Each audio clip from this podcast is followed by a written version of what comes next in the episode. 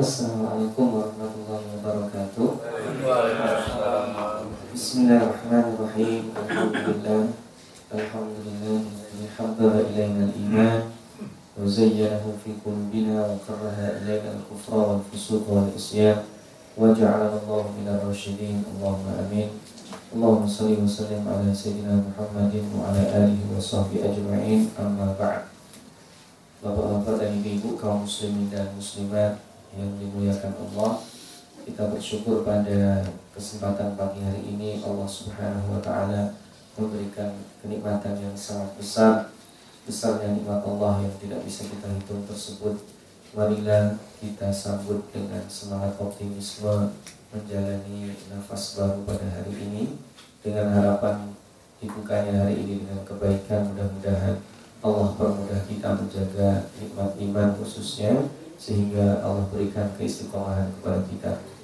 Bapak dan uh, hadirin sekalian, para pemirsa sahabat Radio Eluri 918 AM di mana pun Anda berada, Insya Allah Bismillah Ta'ala kita akan melanjutkan kajian halaqah tadabur kita yang pada kesempatan kali ini kita sampai pada halaqah ke-62 kita masih uh, melanjutkan kisah dan cerita tentang Bani Israel yang pada pertemuan yang lalu Allah berikan hujah beserta para nabi-nabi yang diutus sebelum Rasulullah SAW mereka adalah satu gerbong dakwah yang sama yang uh, pada ayat-ayat selanjutnya juga nanti senantiasa Allah perintahkan bahwa ketika mereka berhujah, ketika mereka mendebat, Allah akan senantiasa merujuk mana kitab yang diberikan Allah kepada kalian dan e, bacalah itu lalu yang ketika mereka mengklaim Nabi Isa dan Nabi Musa sesungguhnya mereka e, menyembunyikan hal-hal yang sebenarnya sudah mereka ketahui apalagi ketika mereka berhujah atau mendebat tentang Nabi Ibrahim yang sebenarnya itu juga adalah e, inti daripada e, risalah tauhid yang Allah senantiasa turunkan bersama para nabinya. Pada halakoh kesempatan kali ini Inilah kita akan tadabburi 92 surat Al-Imran sampai ayat 100. A'udzu billahi minasyaitonir rajim. Lan tanalul birra hatta tunfiqu mimma tuhibbun wa ma tunfiqu min syai'in fa innallaha bihi alim. Ini adalah uh, ayat baru kalau dalam bahasa Arab disebut dengan kalam musta'naf atau jumlah musta'nafah. Jadi tema baru, judul baru meskipun nanti rangkaian tematiknya masih ada kaitannya dengan yang sebelumnya orang-orang yang e, dari kalangan ahli kitab yang juga ketika mereka tidak mau mengimani risalah yang dibawa Rasulullah mereka adalah orang-orang kafir dan mati dalam keadaan demikian balasannya sudah dijelaskan. Dan sekarang Allah memulai dengan satu yang menarik. Lan tanalul birra kalian tidak akan mendapatkan kebaikan hatta tunfiku mimma tuhibbun sampai kalian menginfakkan apa yang kalian cintai. Wa ma tunfiku min syai'in fa innallaha bihi alim dan sesuatu yang kita infakkan itu sesungguhnya Allah tahu kita cintai atau tidak. Nah, jadi ini berkaitan dengan etika memberi, etika bersedekah, etika uh, kita dalam menermakan apa yang Allah berikan kepada kita. Baik bentuknya materi, baik bentuknya ilmu, baik bentuknya tenaga, pikiran, saran, konsultasi, apa saja itu Allah Maha tahu. Jadi kalau kita memberikan makanan kepada orang, makanan itu sisa atau sebenarnya kita masih mencintai tapi kita ingin berbagi, itu Allah yang tahu. Meskipun sebenarnya kita punya makanan yang banyak daripada ini makanan ada di rumah saya nanti nggak habis, saya mau share itu pasti juga ada pahalanya. Tapi pahala yang lebih besar nantinya adalah ketika e, materi tersebut saya mencintainya, tetapi kemudian saya berikan kepada orang lain. Nah itu tingkatnya sangat tinggi. Sesuatu yang kita sukai, kemudian kita berikan kepada orang lain. Baik bentuknya materi ataupun materi. Sama juga ketika kita diberikan e, pertanyaan atau konsultasi sama orang kita menjawabnya hanya sekedar ya, gugur kewajiban sebagai konsultan atau menjawabnya dengan sepenuh cinta seolah-olah kita berempati menjadi orang tersebut. Jadi masalah punya masalah apa saja? Itu berbeda. Jika dia uh, diberikan bant, uh, mintai bantuan untuk mengangkat sesuatu seolah-olah kita adalah orang yang mengangkat itu.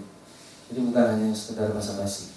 Nah itu Allah makanya dikatakan fa innallaha bihi terhadap sesuatu yang kita berikan itu alimun maha tahu.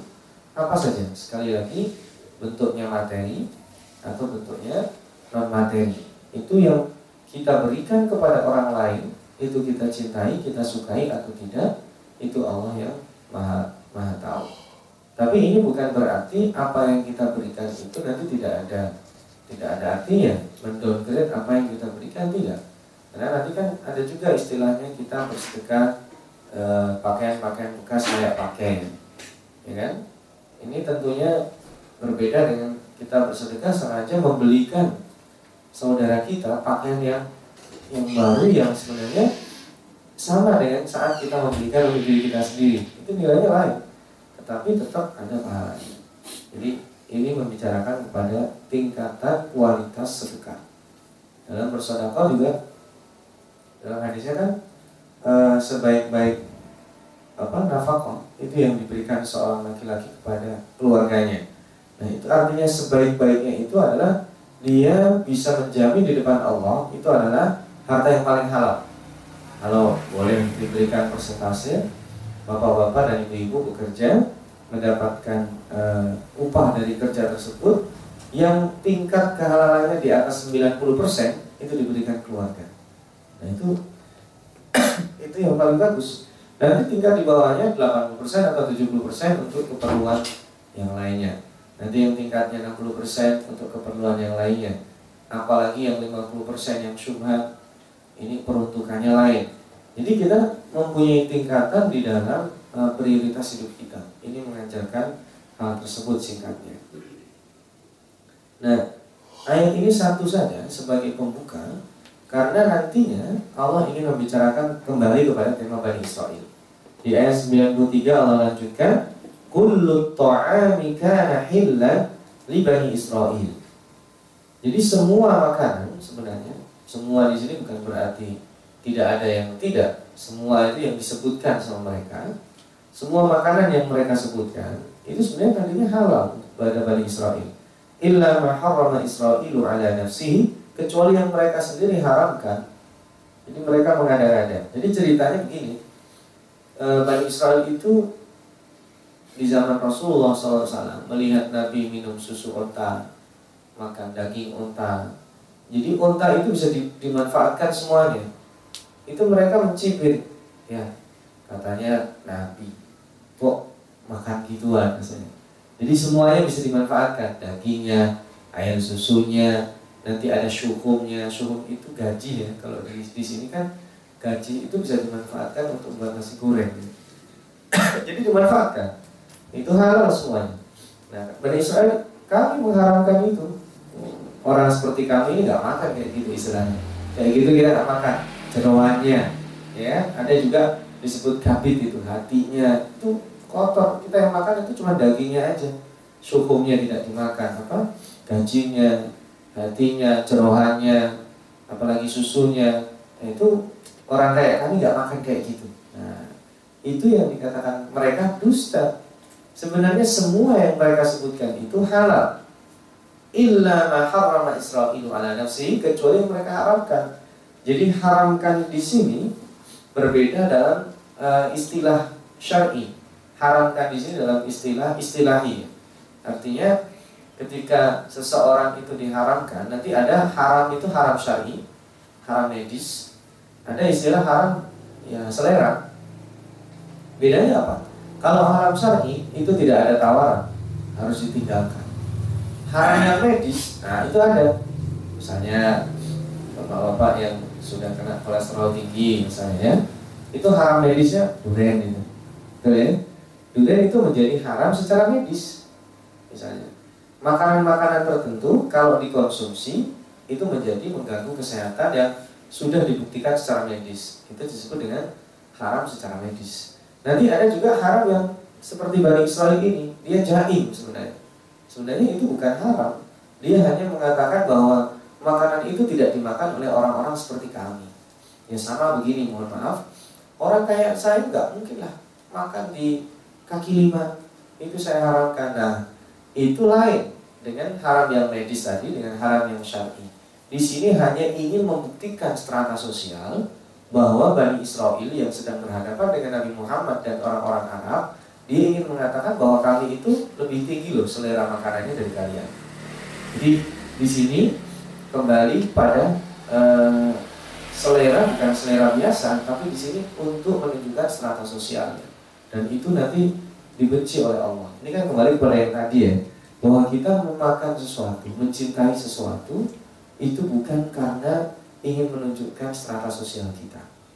Nah, di sini Bani Israel seperti itu nanti uh, akan di langsung dibalas oleh Allah Subhanahu wa taala illa ma harrama Israilu ala nafsihi min qabli an tunazzalat Taurat sebelum diturunkannya Taurat dan Taurat itu ada hukumnya makanya Allah langsung bilang kul katakan Muhammad fatu bit mana Taurat kalian? Fatluha in kuntum shadiqin coba kalian baca. Ada nggak di dalam Taurat itu yang mengharamkan tadi yang yang kalian sebutkan? Tentu tidak ada. Karena sebenarnya yang, yang disebutkan itu hanya untuk dalam tanda kutip mengangkat mereka e, secara sosial bahwa kami ini lebih baik loh dari kalian orang-orang Arab yang buta huruf. Padahal orang-orang Arab yang diklaim ummi buta huruf itu tidak semua. Orang Arab yang e, dikatakan bodoh, jahiliyah itu definisi jahiliyahnya lain dengan definisi ahli kitab yang mereka mengklaim lebih pintar dari orang-orang Arab pada waktu itu. Nah, makanya Allah langsung mengimbu ya, "Faman iftara 'ala Allahil kadhiba min ba'di dzalika fa ulaika humudz zalimun." Maka barang siapa orang-orang yang menisbatkan kedustaan kepada Allah.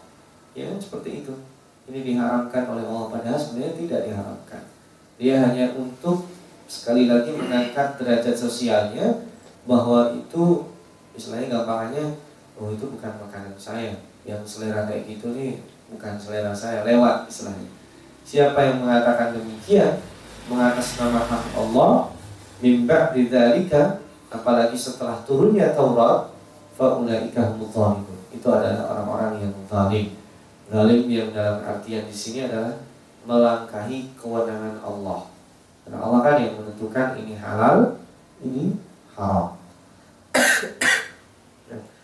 Ayo sekalian kaum muslimin dan muslimah Sahabat Al-Duri 918 ayat Bahwa Allah di sini ingin menegaskan kepada kita Memang secara kaitan runutan tema Ayat 92 yang tadi kita sebut itu Jumlah musta'nafah yang tidak ada hubungannya secara langsung dari ayat sebelumnya dan ayat sesudahnya Tapi kita akhirnya faham Oh Allah memberikan itu kalau disebut dalam dalam uh, perkataan itu uh, eh, OOT ya out of temanya dulu ya di topiknya di dikeluarin dulu tetapi sebenarnya topik yang disindirkan Allah itu berkaitan sama mereka jadi intinya kalau misalkan kita memberi makanan kepada orang yang ada di dalam rumah kita kita tidak beda-bedakan kita memberikan kepada orang lain itu sebenarnya makanan itu bagi kita juga kita suka kan misalnya makanan ini saya berikan kepada Anda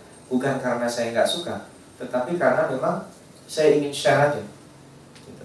Kalaupun istilahnya itu saya tidak suka, tidak sukanya bukan karena uh, yang disebutkan ini. Misalkan karena memang itu haram bagi saya secara medis. Saya diberikan misalnya seseorang uh, apa ya? Katakanlah durian tadi ya yang kita sebut ternyata durian itu membahayakan secara medis untuk saya, maka saya berikan kepada Anda. Kenapa? E, karena saya tahu Anda suka dan durian itu kan e, identik dengan sesuatu yang sangat loks gitu ya. Nah itu lain. Nah, karena memberikan sesuatu yang itu disukai sama orang tersebut, e, maka pahalanya lain. Dan sekali lagi tidak sama dengan yang dikatakan Bani Israel tadi. Dia klaim bahwa yang dinamakan kemuliaan Muhammad itu ya bukan seperti yang kamu makan itu. Masa Nabi makannya tadi ya jeruan onta, masa pagi minumnya susu onta, masa Nabi mengkonsumsi syuhumnya apa e, gajinya itu tidak maka di sini mana Taurat yang mengatakan itu haram ditantang sama Allah dan diimbui satu ancaman yang sangat luar biasa. Orang-orang yang mendustakan Allah orang-orang yang menisbatkan kedustaan kepada Allah setelah datangnya Taurat setelah semua itu jelas maka itu adalah orang-orang yang zalim. Nah, beralih kepada talqin berikutnya.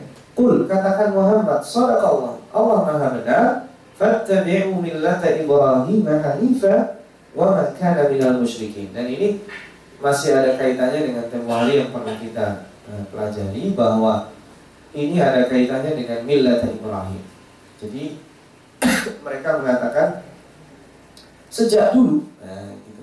Sejak dulu itu kami Orang Bani Israel mengatakan Bukan hanya sekarang ya Dia mengatakan sejak dulu kami itu Dan nenek moyang kami tidak makan makanan kayak gitu Itu makanan tidak kelas kami gitu. Lalu katakan Muhammad Sejak dulu Nah ini sama aja Fattabi'u millata Ibrahim hanifa. Sejak dulu kami ini juga diperintah kayak gini. Millata Ibrahim hanifa. Bahwa agama Ibrahim yang hanif Wa makana minal musyrikin Dan tidak sedikit pun Nabi Nabi Ibrahim itu termasuk orang-orang yang musyrik. Jadi sebenarnya di sini perkataan mereka di saat itu yang mereka klaim menunjukkan strata sosial mereka itu tinggi ataupun ketika mereka katakan dari sejak dulu kami ini keturunan orang-orang mulia. Nah, ini inilah yang kedua berikutnya ya. Kemuliaan kita itu tidak dihitung semata-mata karena yang kita lakukan sekarang, juga bukan karena uh, yang dilakukan nenek moyang kita. Karena hitungannya itu bukan itu hitungannya adalah ittabi umillata Ibrahim konsistensi kita dalam menjalankan agama Nabi Ibrahim Ibrahim itu diteruskan sama Nabi Muhammad Shallallahu Alaihi Wasallam jadi ini klien kedua dipatahkan lagi oleh Allah Subhanahu Wa Taala bahwa kalau kalian katakan sejak dulu Bani Israel dan sejak dulu itu tidak makan yang demikian itu dianggap satu hal yang mulia kami juga katakan Muhammad bahwa kami diperintah untuk mengikuti agama Nabi Ibrahim. Nah, sampai di sini tema ini selesai. Kemudian Allah Subhanahu wa taala melanjutkan kisah yang berkaitan dengan Nabi Ibrahim. di sini cerita Nabi Ibrahim ya. Inna awwala baiti wudi'a lin-nasi lalladzi bi Bakkah mubarakan wa hudan lil alamin. Ini ayat 96 saja dibahas para mufassirin berlembar-lembar tafsirnya. Masya Allah ini cerita tentang Makkah Cerita tentang Baitullahil Haram Cerita tentang Masjidil Haram Cerita bagaimana Allah mendedikasikan ini untuk hambanya di muka bumi Menyediakan uh, sarana fisik Supaya mereka bisa disambungkan oleh Allah Subhanahu Wa Taala. Dan itu kan uh, yang dinamakan masjid sebelum datangnya Rasulullah Sallallahu Alaihi Wasallam itu satu tempat tertentu yang tidak bisa beribadah kecuali di tempat itu. Jadi bedanya dengan kita sekarang karena Rasulullah SAW diberikan keistimewaan, ju'ilat liyal ardi masjidah. Di antara beberapa karakteristiknya adalah dijadikan semua tanah di atas bumi ini masjid. Jadi bapak-bapak mau sholat di masjid musola di sini di tengah padang pasir di tengah lapangan bola selama itu suci ya di atas kereta di atas mobil di atas pesawat di atas kapal itu boleh sholat. Tapi di zaman dulu nggak bisa. Zaman dulu itu yang namanya masjid atau mihrab tempatnya tertentu kalau mau sholat ya harus ke tempat itu lagi. Nah ini satu keistimewaan yang sangat luar biasa. Nah ini dalam riwayatnya memang ada beberapa perbedaan pendapat. Siapa yang membangun Masjidil Haram? Ada yang bilang malaikat. Jadi kita gabungkan aja. Bahwa malaikat itu membawa titah Allah memilih sebuah tanah di sebuah lokasi yang disebut dengan Makkah sekarang ini. Kemudian yang kedua bahwa yang menggaris ya, yang meletakkan batu pertama, yang membuat zonanya itu adalah Nabi Adam. Nah, kalau dikatakan siapa yang membangun Ka'bah atau membangun Masjidil Haram, membangun dalam artian apa dulu membangun fisik ke atas itu Nabi Ibrahim karena ada tempo hari sudah kita kata dia dalam ayat itu satu ya wa id yarfa'u Ibrahimul qa'id yarfa itu ngangkat Jadi diangkat ke atas itu artinya dibuat batu bata kalau zaman sekarang itu. Berarti itu yang membangun fisiknya Nabi Ibrahim. Tapi yang membuat garis-garisnya, insinyurnya itu adalah Nabi Adam. Yang menitahkannya adalah Allah melalui malaikatnya yang membimbing Nabi Adam membuat garis-garis seperti yang kita kenal sekarang. itu sama. Masjidil Haram dan Masjidil Aqsa yang membangun secara teoritis itu e, prosedurnya seperti itu SOP-nya. Malaikat, Nabi Adam dan kemudian dibangun oleh Nabi Ibrahim alaihissalam. Nah di sini yang menarik adalah inna awwala baitin. Nah, para para mufassirin mendiskusikan awwala di sini maksudnya apa? Apakah awwala di sini maksudnya adalah zaman yang pertama secara zaman ataupun awaliyah zamaniyah ataupun disebut dengan awaliyah syarafiyah. Apakah yang pertama nilai keistimewaan kemuliaan? Ya kan karena ada hadisnya bahwa sholat di Masjidil Haram itu bagaikan seseorang sholat di luar Masjidil Haram itu berlipat 100 ribu sholat. Coba kita bayangkan bapak-bapak di sini. Kalau saya tanya, eh, ada nggak yang sholatnya sudah 100 ribu kali? Dari sejak dia pertama kali sholat, mungkin sebagian besar kita mengatakan, aduh kurang kerjaan, saya nggak pernah hitung itu sholatnya. Ya kan pasti gitu ya. Seseorang untuk bisa sholat 100 ribu kali, itu kira-kira perlu waktu berapa tahun? Ini ini membicarakan ini ya para mufassir membicarakan secara secara uh, teoritis yang disebut awaliyah di sini awaliyah zamaniyah yang pertama itu adalah secara waktu memang betul. Tapi secara yang lainnya juga ada disebut dengan awaliyah syaraf. Jadi kemuliaan juga nomor satu. Sholat di sana seratus ribu kali. Bayangkan kalau orang satu hari sholat wajib lima kali satu minggu itu baru 35 ya. Satu bulan berarti? Dikatakanlah sama teman tambah tambahan 200 lah sama sholat sunatnya ya itu baru satu bulan satu tahun. Dua ribuan kan? Itu satu tahun. Satu tahun dua ribu? Kalau sepuluh tahun dua puluh ribu ya kan? Nah untuk sampai seratus ribu setidaknya kita sholat ya. Bukan umur kita. Kan nggak mungkin. Owek-owek langsung sholat itu kan nggak mungkin. Itu berarti kita sudah sholat setidaknya 50 sampai 60 tahun. Nah itu sholat kita 50-60 tahun itu setara atau lebih baik dengan seseorang sholat di Masjidil Haram nah itu makanya dikatakan ada awaliyatul wakat awaliyatul zaman diciptakan betul-betul pertama kali atau diciptakan juga dengan menggunakan awali yaitu asyaf. Jadi secara kemuliaan juga yang pertama. Baru kan disebut setelah itu Masjid Nabawi, setelah itu Masjidil Aqsa. Nah ini yang pertama. Wudi alinas, wudi'a. Nah, berarti memang kalau ibarat kata wudi'a itu sudah terima jadi. Tapi ya nggak mungkin dong. Allah swt malaikat buatin kubahnya di langit, wudi'a langsung ditaruh. Nah, bukan itu maksudnya. Wudi'a itu sudah ditunjuk di situ tempatnya. Itu menurut uh, jumhur mufassirin ya. Wudi'ah di sini wudi'ah alamatuhu. Nah, laladi di Bakkah. Nah, di sini kita membaca Bakkah. Kenapa kok tidak Makkah? Pertama, Bakkah secara bahasa diambil dari kata-kata Bakkah. Jadi Bakkah itu artinya ziham dari keramaian. Disebut Bakkah karena nanti menjadi sentra jadi tempat yang paling ramai yang tidak pernah sepi. Ya, sekarang kalau ditanya, kapan itu Mekah sepi?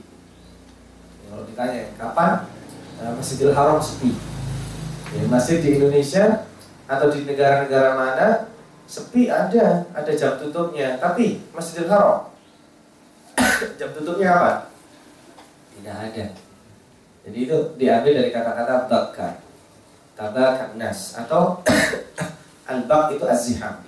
Itu yang pertama. Ada yang juga ini Al-Fakir ambil tidak semua ya e, dari e, apa istiqomnya atau asal katanya banyak di situ terlalu banyak saya sebut di sini. Yang kedua ada yang membedakan kalau disebut Bakar itu adalah area Masjidil Haramnya. Kalau Makkah ini Bakkatan atau Bakkah itu area Masjidil Haram. Kalau Makkah itu satu kota semuanya. Ada yang membedakan. Kamu pergi ke mana? Ke Bakkah itu artinya saya mau pergi ke area Masjidil Haram. Tapi kalau Makkah itu berarti saya tinggal di Mekah di kota Mekahnya. Itu ada yang membedakan ya. Ini namanya ada berarti ada pendapat lainnya. Ini saya ambil eh, ringkasannya saja. Nah, sifat yang kedua selain awaliyah tadi, mubarakah. Allah berkahi. Ini kata-kata berkah di dalam agama kita itu luar biasa ya. Dalam salam itu dijadikan penghujung. Assalamualaikum warahmatullahi Yang terakhir apa? Wabarakatuh. Wabarakatuh itu kualitas hidup namanya. Kualitas hidup itu materi dan non materi. Kalau materi, seseorang mendapatkan gaji yang menurut orang lain gak masuk akal cukup, tapi cukup, itu berkah. Makanan yang kelihatannya cukup hanya untuk dua orang, tapi yang makan 10 orang dan semuanya tidak, ya kenyang-kenyang banget sih mungkin enggak ya.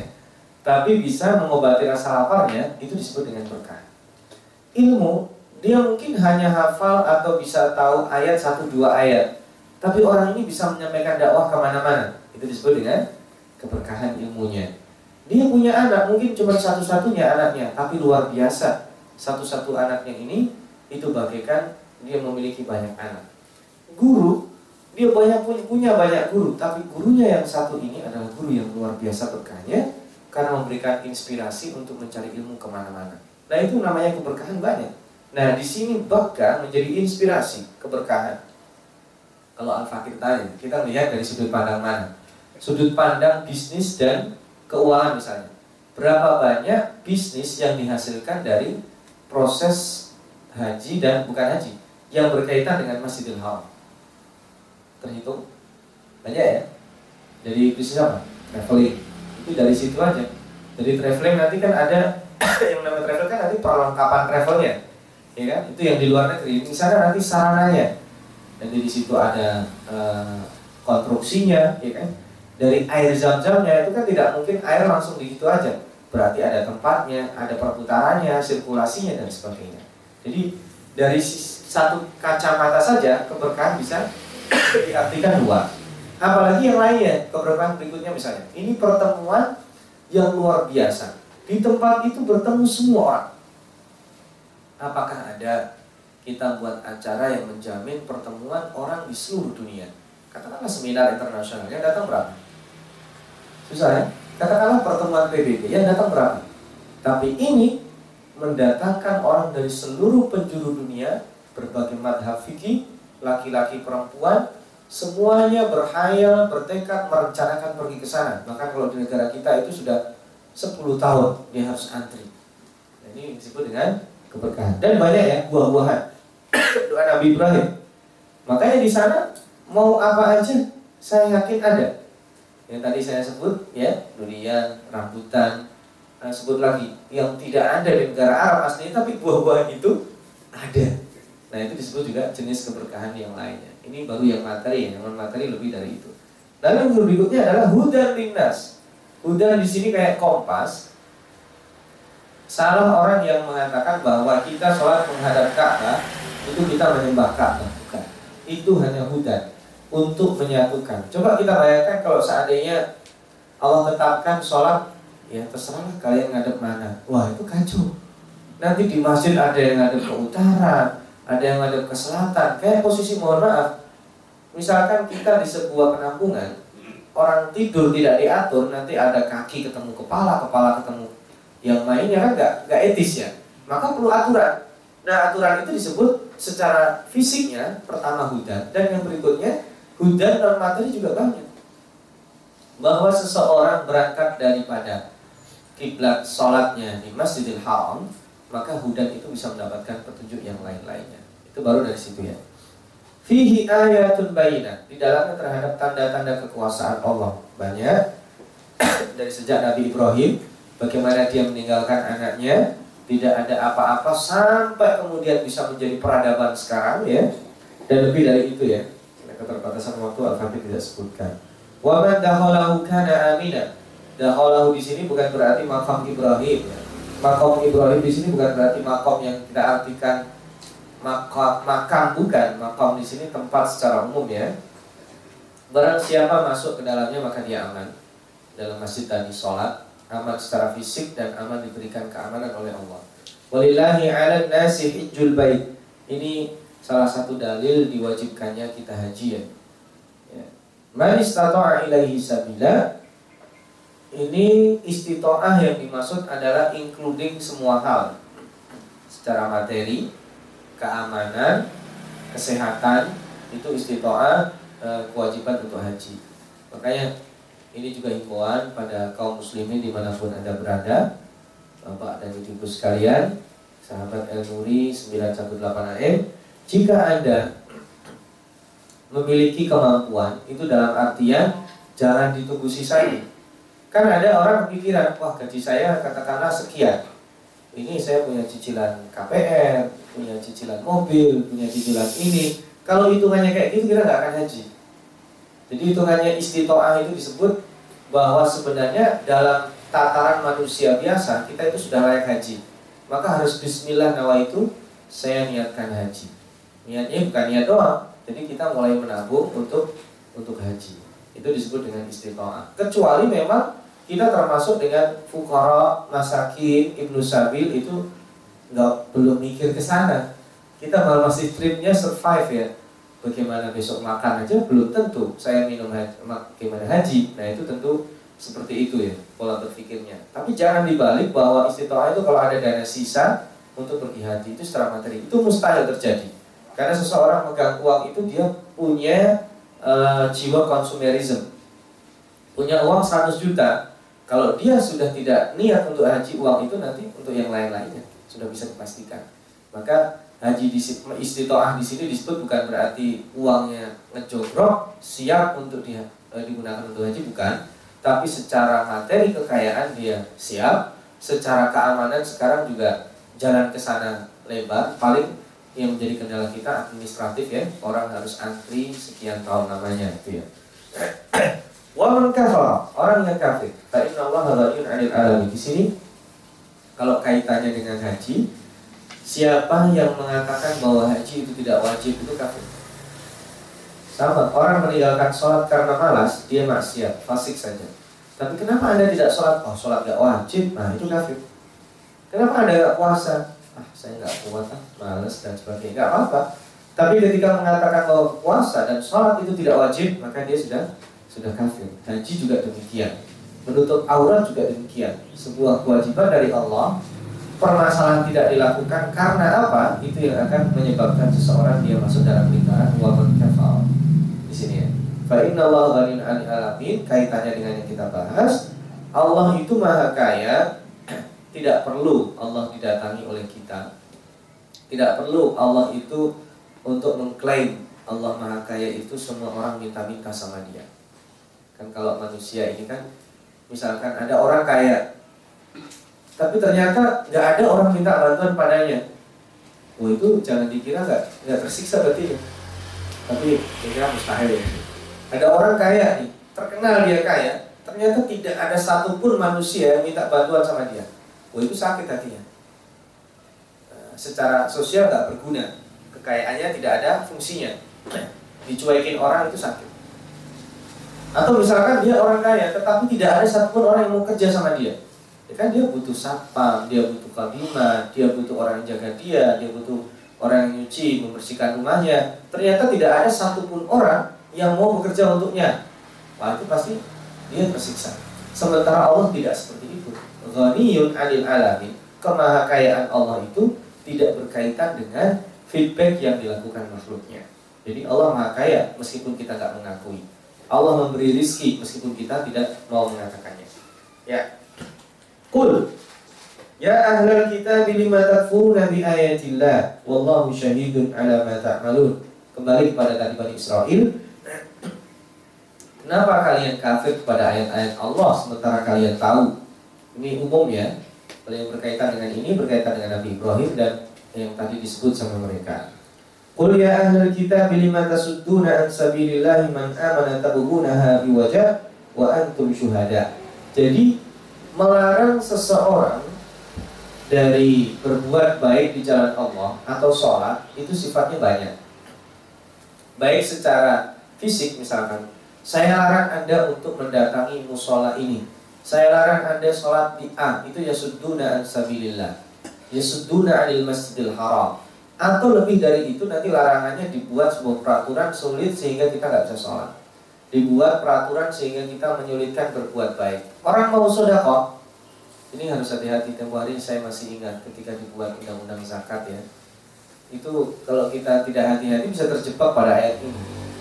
Untuk mengatur sodako, dibuat regulasi yang menyulitkan orang mau sodako ataupun lembaga ambil zakat yang menerimanya. Kalau itu tujuan awalnya adalah untuk menyulitkan seseorang berbuat baik, masuk dalam ayat ini. Regulasinya dibuat supaya orang kalau mau sedekah sulit. Ya kayak sekarang. Sekarang ini kan terjadi negara donor kumpul di Mesir uh, atas inisiatif uh, negara Uni Eropa dan negara Arab memberikan donasi kepada uh, negara Palestina pasca terjadinya perang Gaza ya terkumpul sekian uh, triliun miliar US dollar. Tetapi pada kenyataannya sampai detik ini itu tidak sampai 5% dicairkan. Nah, regulasinya membuat kesulitan. Padahal bantuannya bisa jadi ada. Sekarang bantuan-bantuan kemanusiaan ada, tetapi tidak bisa sampai kepada orang berhak. Nah, itu ya sudah, alhamdulillah. Bapak-bapak ngumpulin duit bantu orang Palestina, tapi itu uang tidak sampai di sana bukan karena kita nggak menyumbang, tetapi ada regulasi lainnya. Nah itu lebih lebih kejam. Orang yang membuat regulasi itu, orang yang menyebabkan sulitnya ya suduna ansabillah itu masuk di dalam ayat ini. Ini kalau kita kiaskan dalam kehidupan modern ya. dalam kehidupan di zaman Rasul ini, orang yang menghalang-halangi orang datang ke Masjidil Haram kemudian membuat isu yang tidak-tidak. Atau tadi mendebat Rasulullah SAW untuk meragukan risalahnya. Padahal mereka tahu itu suatu kebenaran ataupun sebenarnya itu bukan sesuatu yang haram. Ini kan kita kaitannya tentang makanan yang tadi kita bicarakan. Sementara mereka itu tahu maka wallahu wa Allahu bighafilin amma ta'malun. Sesungguhnya Allah Subhanahu wa taala itu tidak tidur, tidak lalai. Jadi kalau cerita tentang kezaliman tadi kan ada Allah Subhanahu wa taala tidak lalai. Dan mohon maaf kalau bercerita tentang kezaliman itu dari skupnya yang paling eksklusif, kezaliman berarti syirik ya. Inna syirka la dzulmun adzim, itu kezaliman yang paling besar ataupun dimensi kezaliman yang dimensinya adalah humanism. Jadi ada doa yang uh, diangkat oleh Allah Subhanahu wa taala di antaranya doa orang mazlum ya. Doa mazlum itu tidak ada batas antara dia dan antara Allah sesuatu itu artinya tidak ada hijab itu makhluk apa pun agamanya. Dia orang nggak sholat atau dia orang tidak beragama dizolimi doanya bisa jadi dikabulkan oleh Allah. Wallahu bighafilin amma ta'malun. Di sini artinya kalau aspek kezalimannya itu luas Allah SWT tidak pernah tidur tidak akan lalai.